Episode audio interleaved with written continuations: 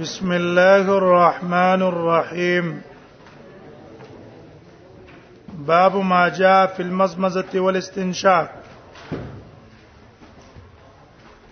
باب په بیان د هغه حدیثو کې چې راغلي دي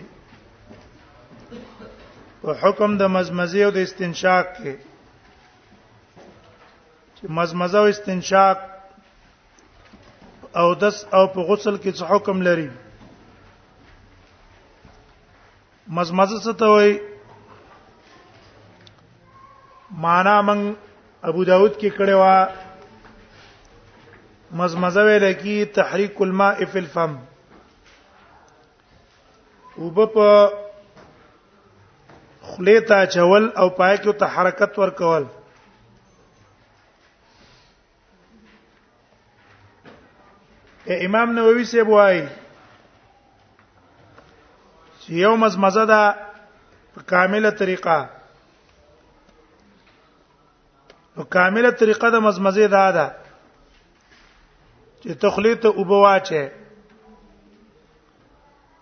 او دا اچول نه رسته په خلی کې وګرځي حرکت ولا ورکه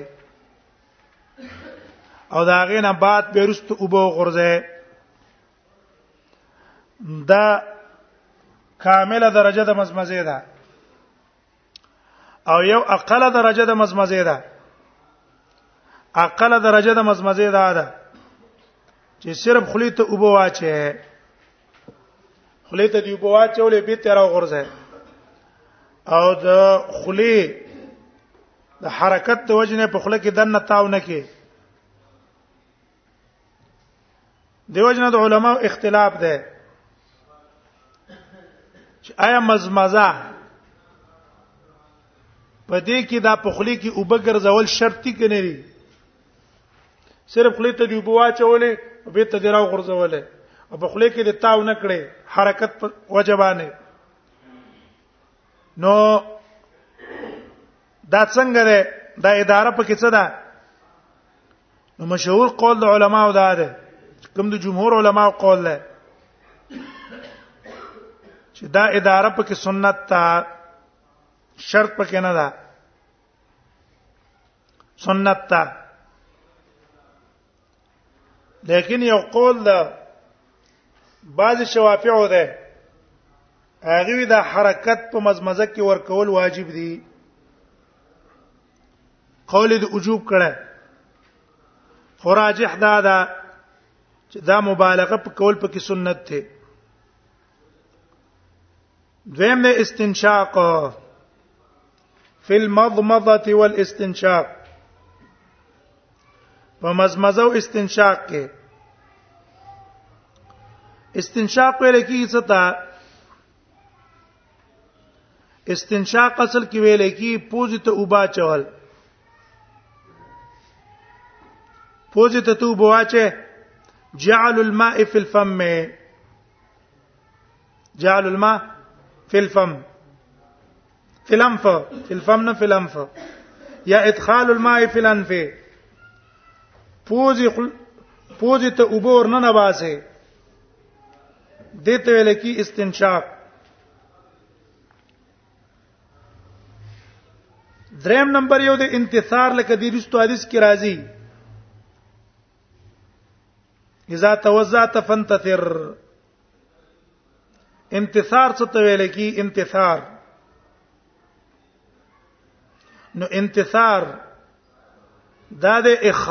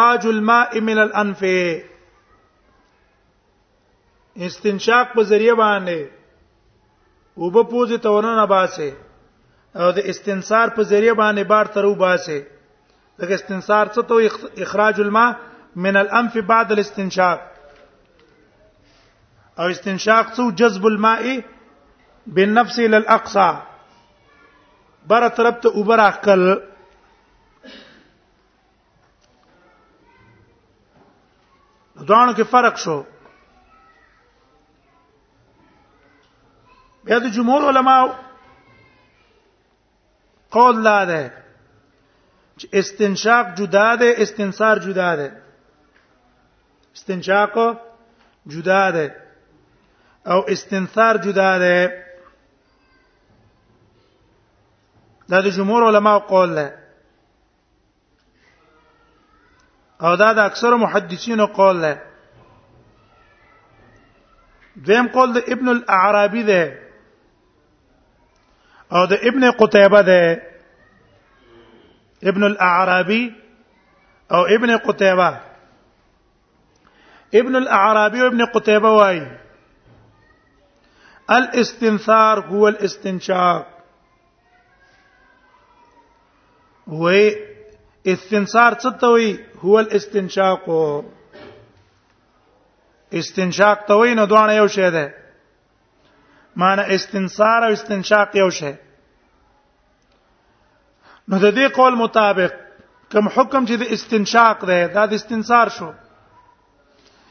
لیکن اولنی قول مطابق چې هغه راجح ده چې نه درې شي نه دي مزمزه جدا ده استنشاق جدا ده به پوزه سون کول هغه ته استنصار وای هغه جدا ده جدا حکم لري هغه جدا عمل له دغه استنصار ماخوذ ده د نصرینا نصره ویل کیږي ویل کی د غره استل پوجنه اوبر استل اوس د دې مزمزه او استنشاق د دې په حکم کې اختلاف ده چې د مزمزه او استنشاق څه حکم ده او دس او په غسل کې نو یو مذهب د امام مالک او د امام شافعي او د دیو د اصحابو رحمهم الله جميعا چې مالکیان او شوافیع دي دی وای انهما سنتان فی الوضوء والغسل مزمزه او استنشاق په اودس کې سنت ده او مزمزه او استنشاق په غسل کې سنت ده که یو سړی اودس کې مزمزه استنشاق نه کې اودس یو شو سنت ته پاتې شو غسل دې وکړو خلی او پوزې ته دی وبو نه چولې سنت نه پاتې شو غسل دې وشو او دا قول په سلفو کې د حسن بصری نام نقل لای دا قول د زهری نام نقل لای دا قول د حکم نام نقل لای د قتاده نام نقل لای او د ربيعه نام نقل لای او د يحيى ابن سعيد الانصاري نام نقل لای او زاعي ليس ابن سعد او یو روایت ته د عطا ابن ابي رباح او د امام احمد نه هم دیم د یو قول مطابق فرق کړی دی دوانو په منځ کې فرق نه نه کړی دوانو کې قائل د سنتیت دی دی استدلال نیولای استدلال نیولای دی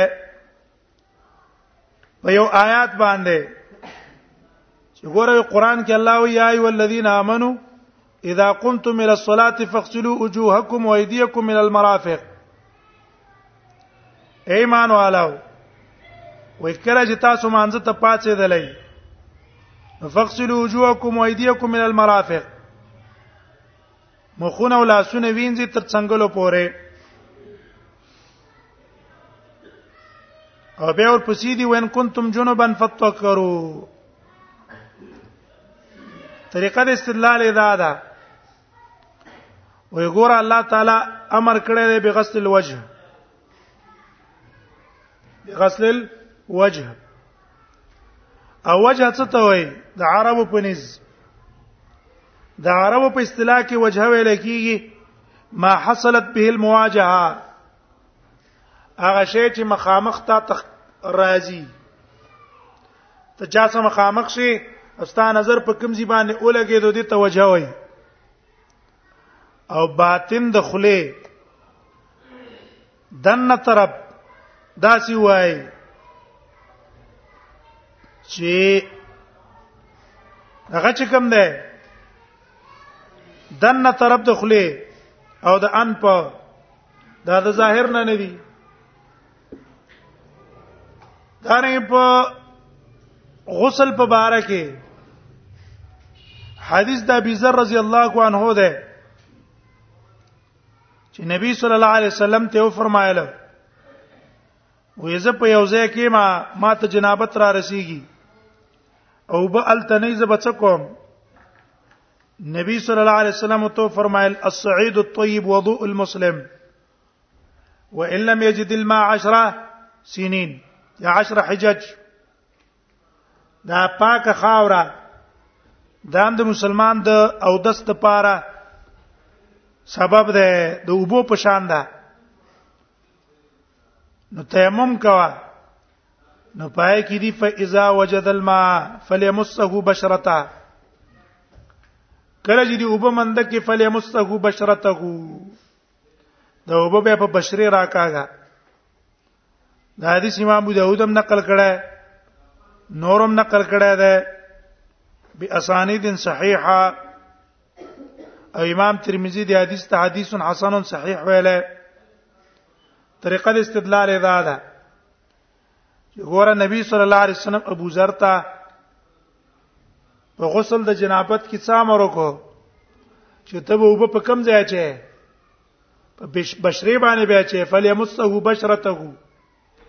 ظاهر د حدیث نه معلوم شو چې په غسل د جنابت کې انزل د بشری پرز دی او بشرت چاته وای بشرا نو بشره ویل کیږي ظاهر الجلد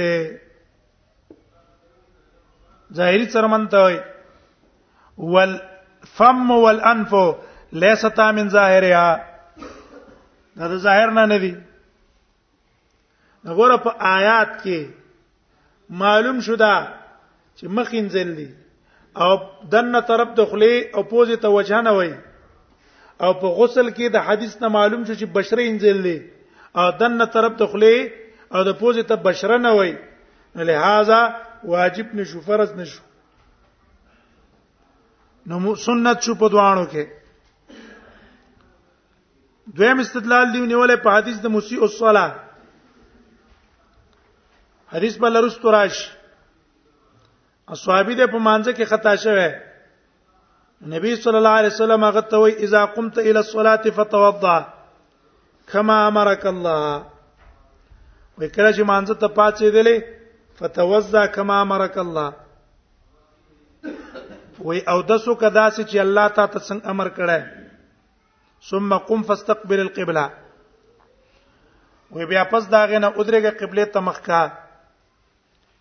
طریقه د استدلال ادا ده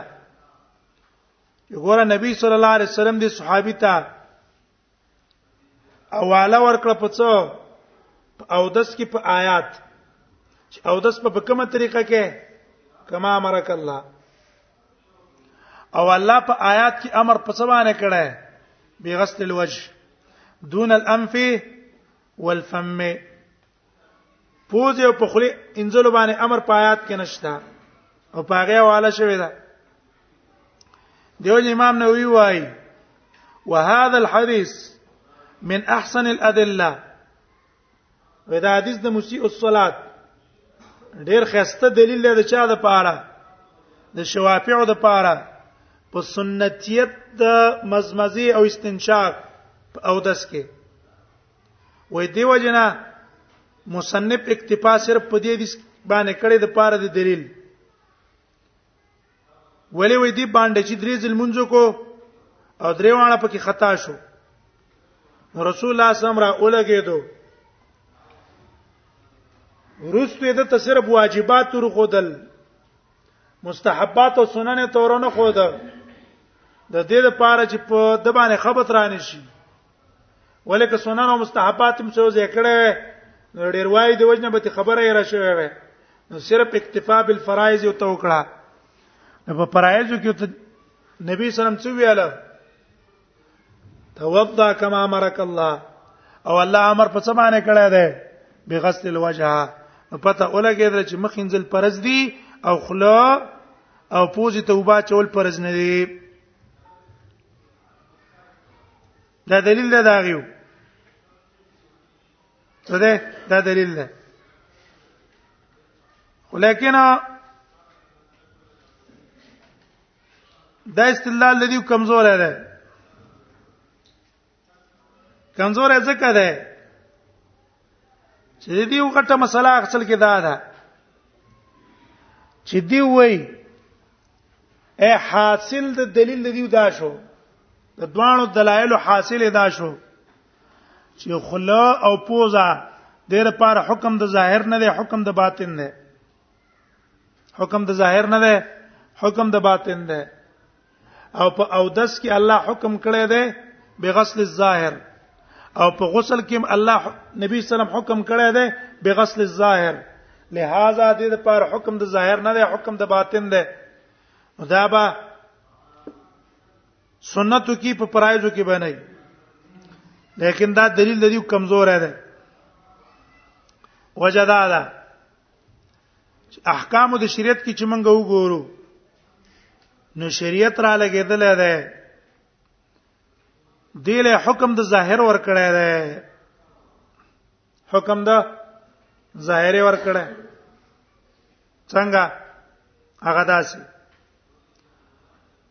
یو تن دی روزدار هغه په خله کې وبو واچي او په دې خله کې د وبو تاوي راتاوي کړو بار ته وغورځولې پوزي ته وبو واچولې بار را وغورځولې په دې د روزه ماتيږي کچرته دې د پاره حکم د ظاهر نه وي او حکم د باطن وي نو په کار دی چې موږ له څه وایو روزه ماته کو لیکن په دې روزه ماته نه وایو تر څو پورې چې مړې نه کته شي ویني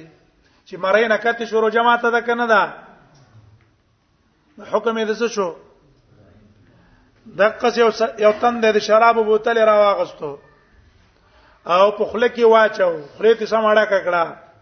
اخی په دې خله کې تا ور اتا کو بار ته وغورځول تیرې نه کړه د له حد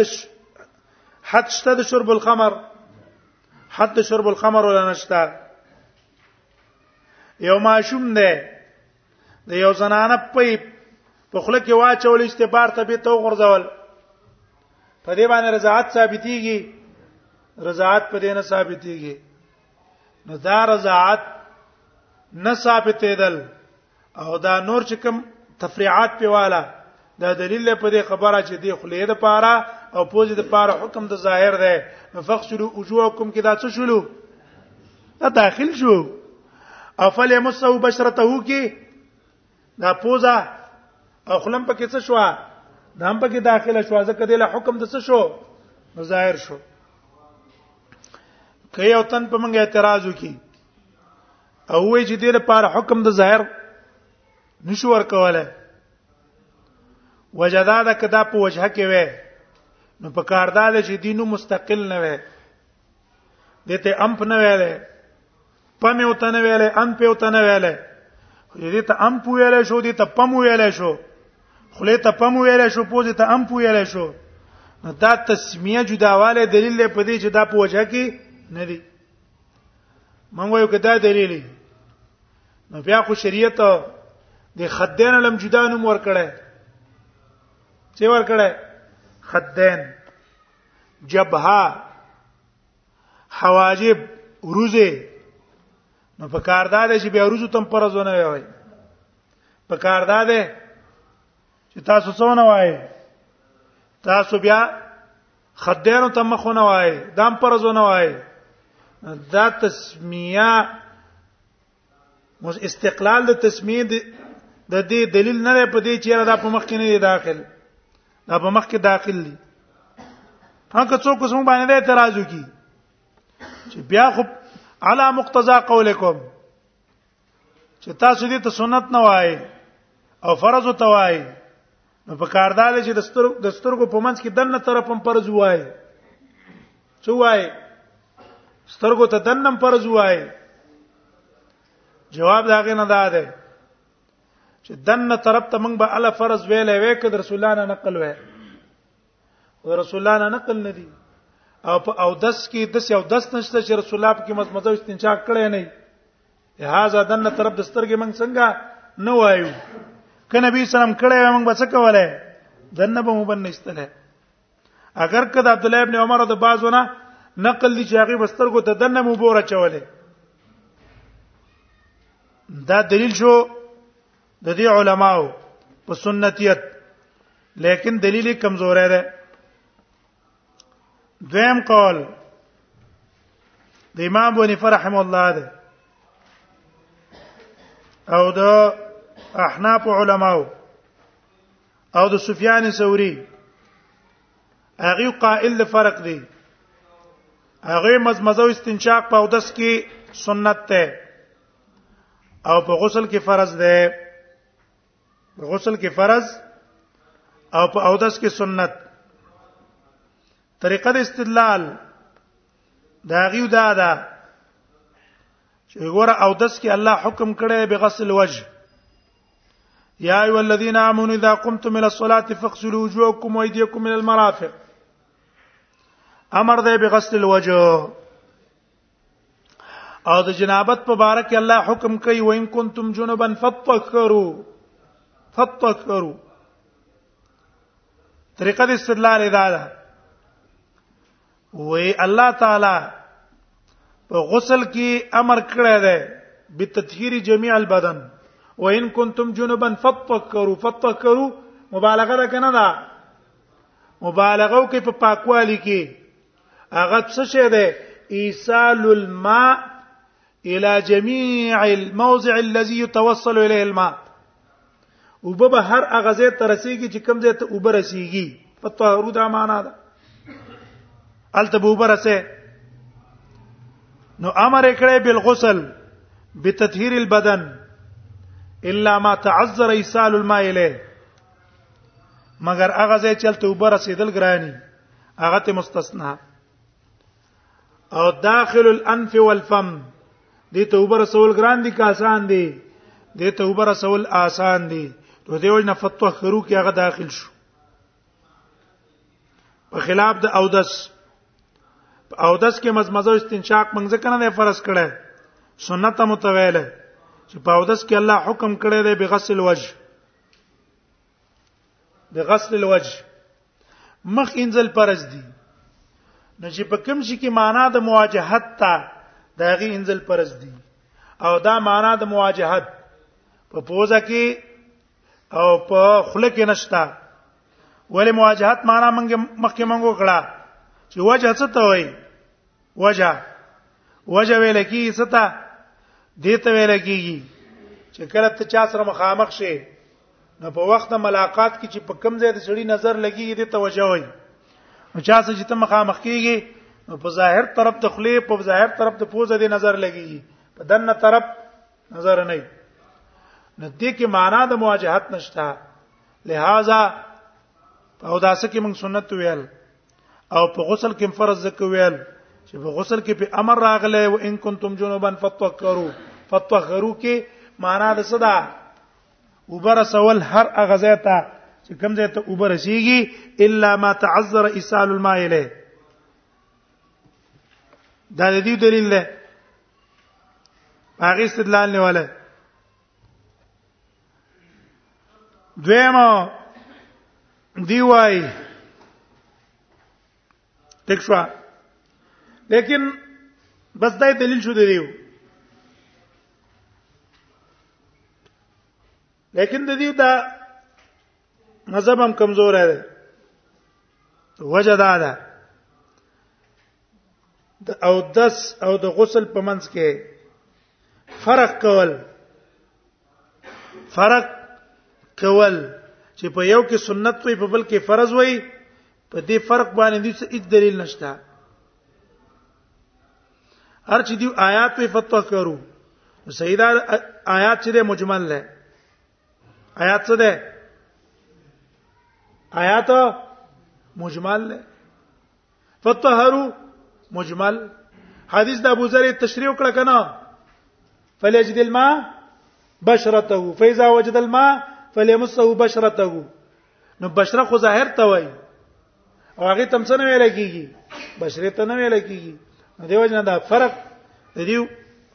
قوی نه ده دریم مذهب هغه فرق دی بین المزمزه والاستنشاق چې استنشاق واجب دی فی الوضوء والغسل او المضمضه سنه فيهما استنشاق او داس کوم سنت ده دا فرض ده په غسل کوم فرض ده او مزمزه خلی ته وبا چول په اودس کې سنت دی او په غسل کې سنت دی پښې کنه نه راځي دی استنشاق په دواړو کې فرض شو او مزمزه په دواړو کې سنت شو اوس هم په پینې شوي مزمزه په دواړو کې سنت په غسل کې هم سنت او په اودس کې هم سنت او استنشاق په دواړو کې فرض په غسل کې استنشاق فرض او په اودس کې استنشاق فرض دا مذهب دی د ابي ثور دا مذهب دی د ابو عبید او دا مذهب دی د داوود ظاهری او دا مذهب دی د ابو بکر ابن المنذر او دا یو روایت دی د امام احمد نه دی استدلال نیولای چې په مزمزه باندې امر نه دی راغله او په استنشاق باندې امر راغله وی حدیث د ابو هريره دی مرفوع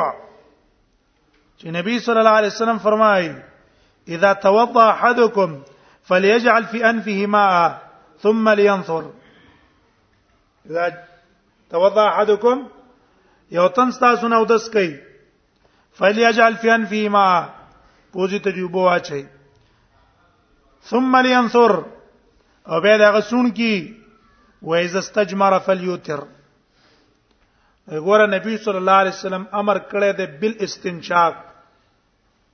پوزې ته وباچه او دا امر تقاضا کوي د وجوب او په مزمزه کې امر نه دی راغلی مزمزه کې امر نه دی راغلی او دا صرف ثابت ته په فعل د نبی صلی الله علیه وسلم چې رسول الله صلی الله علیه وسلم خلی توبه چولی ٹھیک شو او فعل د رسول الله صلی الله علیه وسلم فعل د رسول الله صلی الله علیه وسلم دا دلیل د سنتیت ته نه دلیل د وجوب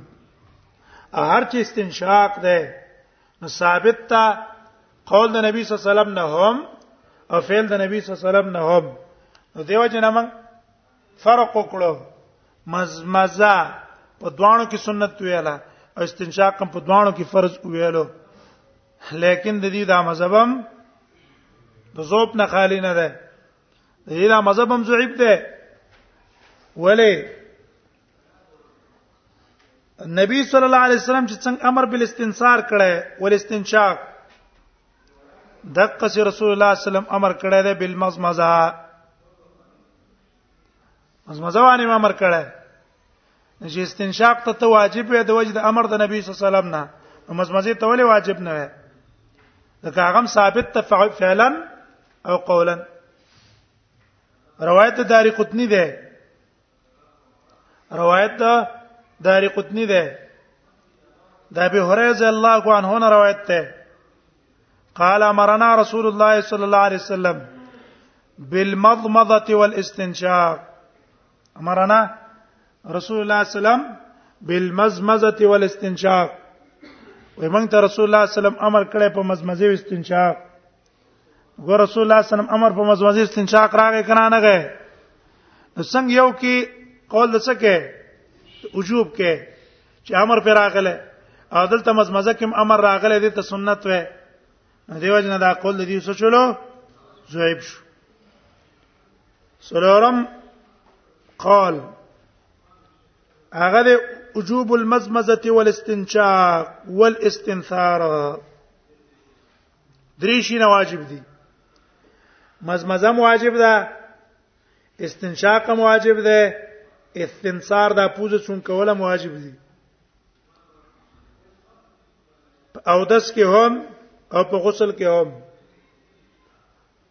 فرق په مابین او د سود غسل کې نشته په دوانو کې فرض دي که چا په اودس کې مزمزه استنشاق پرې خوسته یا په غسل کې مزمزه استنشاق پرې خوستل نه اودس کیږي نه غسل کیږي دا قول د امام احمد دا قول د اسحاق ابن رهوه اسحاق ابن راهوی او دا قول د ابو ثور او دا قول د ابن المنذر او د ابن ابي ليلى او د حماد ابن سليمان دی استدلال نیولای دی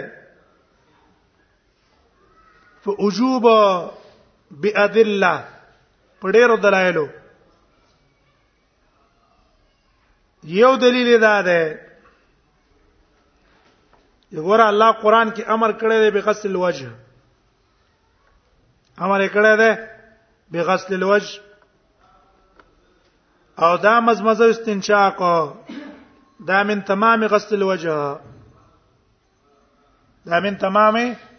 غسل الوجه دا په وجه کې داخل دی ټیک شو ټیک دا ظاهر کې معنا د مواجهت په دې کې نشتا معنا د مواجهت په دې کې نشتا لیکن دا مکمل دی د څه دا مکمل دی د مخ د پاره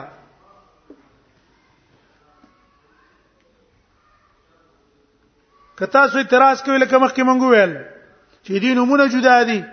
مونږه تسمیه د جداوالي چې د هر یو جدا جدا نوم دی دا دلیل د دې خبره نه لږ دا په مخ کې داخل نه دی خدین جدا نوم دی حاجب جدا نوم دی غسل وجه کې داخل دی د قصیدام دی دا من تمام غسل الوجه چې من تمام غسل الوجه شو فغسلوا وجوهكم کې امر بالمزمزه والاستنشاق هم راغی دویم استدلال دویم استدلال هغه حدیث د ابي هريره ده چې رسول الله صلی الله علیه وسلم فرمایي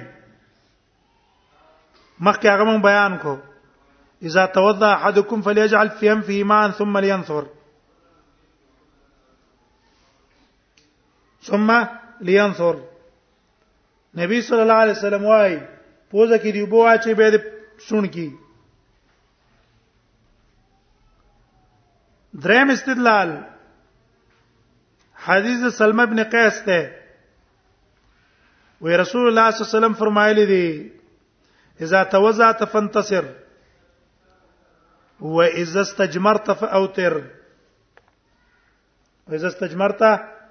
فاوتر دا سلمہ ابن قیس روایت په دې باب کې ګور امام ترمذی راوړی دارنګي دریم استدلال دی نیولې پر روایت احمد امام ابو داود او امام ترمذی د ټول علماء حدیث راوړل او امام ترمذی ته حسن صحیح ویل چې حدیث د لقیت ابن صبره امام ابو داود اوګه د حدیث راوړی او امام ترمذی ته لقون ته کی جمله راوړی هغه د نبی صلی الله علیه وسلم ته پوښت کړو چې اې د الله نبی علمني سنت الوضو ما ته او دس طریقه راوخایا نبی صلی الله علیه وسلم تول وبالغ فی الاستنشاق الا ان تكون صائما او د دې حدیث په بعض الفاظو کې دام دي و اذا توضعت فمزمز امام ابو داود د روایت راوړی وګوره امر په څه باندې وشو امر په مزمزه هم راغی امر په استنشاق هم راغی او امر د پاره د وجوبي امر د پاره د وجوبي بل دلیل د وجوب هغه حدیث د ابو هريره چې مخکې مون بیان کو چې امام دار قطنی راوړل امرنا رسول الله صلی الله علیه وسلم بالمزمزه والاستنشاق وې مونږ ته رسول الله صلی الله علیه وسلم امر کړی په مزمزه او په استنشاق باندې بل دلیل د وجوب د پاره حدیث د عائشه رضی الله عنها ده امام بهقي او امام داری قطنی دي دوانو راوړل ان رسول الله صلی الله علیه وسلم قال وی نبی صلی الله علیه وسلم فرمایلی دي المزمزه والاستنشاق من الوضوء الذي لا بد فيه لا بد منه وی مزمزه او استنشاق د اق او دس نه ده لا بد منه چې داغه نه خلاصې شته ده نه لیکن د دې په سند کې محمد ابن الازهری ده الجزجانی او دا هغه په باره کې کلام دی د علماو دیو جن راجح مذهب همدا خرنه مذهب ده چې مزمزه او استنشاق دا رنګ دا غین رستو استنصار دا واجب دی فی الوضوهم او واجب دی فی الغسل هم غسل کې واجب دی په وضو کې واجب دی او په دې فرق باندې څه دلیل وسشته دی نه اوس باب ته وګورئ باو ما جاء في المضمضه والاستنشاق وبه قالت سنا قتيبة قال حدثنا حماد بن زيد وجرير وجرير عن منصور عن هلال بن صاف عن سلمة بن قيس سلمة بن قيس روایت قال قال رسول الله صلى الله عليه وسلم وی نبی صلى الله عليه وسلم فرمایلی دي اذا توضعت فانتثر کله چې دا اودس کو فنتظر فنتظر پوزه شون کا وایز استجمرت فاوتر او کله چې د کانی باندې استنجا کولا فاوتر نو تاک تاک استعمال کا استجمار جمهور معنا څه کړی دا الاستنجا بالحجار هند عبد الله ابن عمر را او د مالک نه یو معنا څه وا استعمال البخور عطر استعمال اول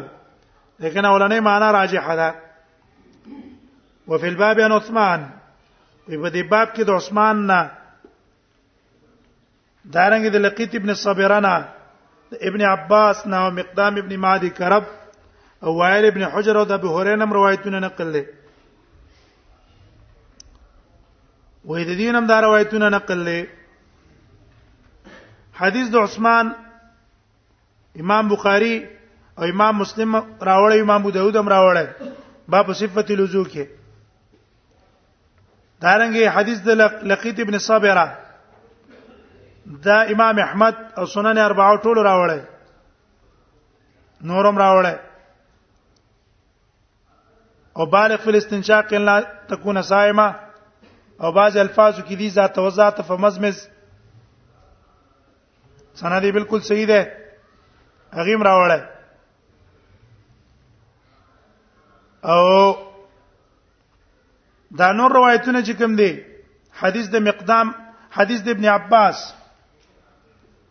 حدیث د ابن عباس امام ابو داود راوړل او پاکم امر ده په استنصار باندې حدیث د مقدام ابن معدی کرب امام ابو داود راوړی امام ابو داود راوړی حدیث د وائل ابن حجر طبرانی راوړی او بازار راوړی په دې ټولو کې امر راغله قال ابو عيسى واي حديث سلمى ابن قيس حديث حسن صحيح حديث سلمى ابن قيس حديث حسن له صحيح ده وخت واختلف اهل العلم في من ترك اوس دا اختلاف ته اشاره کوي من به کې څلور مذهبه بیان کړ امام ترمذی اوس هغه ته اشاره کوي واختلف اهل العلم اختلاف کړی د علماو فی من ترک المزمزه والاستنشاق هغه چا په باره کې چې مزمزه او استنشاق پری دي فقال طائفه منهم یو ډلې ویلي اذا ترکهما فی الوضو او داس کې پرې قست حتا صلى تر دې چې مونږ یو کونو اعاده به ته مونږ راګرځي ولې په او داس کې دا فرض ده ورأو ذلك في الوضو والجنابه سواء او دا او داس او په غسل کې یو شان حکم لري د وجوب او د فرضیت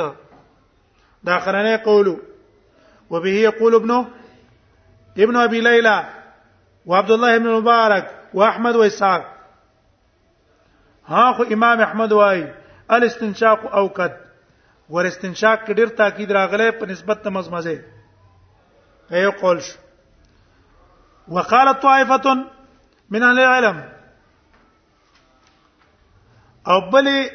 ډلې ویلې دي چې يعيد في الجنابه ولا يعيد في الوضوء که په غسل کې مزمزه استنشاق پر قصته او دس پر راګرځي لیکن که په اودس کې تپات شونه به راګرځي دغه په جنابت کې فرض ده او په غسل کې سنت ده دا قول د سفیان ثوری او بعض اهل کوفه بعض الکوفی نه مراد څوک د امام بنفا او داغه مذهبيان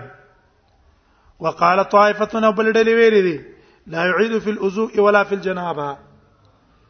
او داس کوم کې تپات شو که په جنابت کې تپات شو به ته مون راګرځي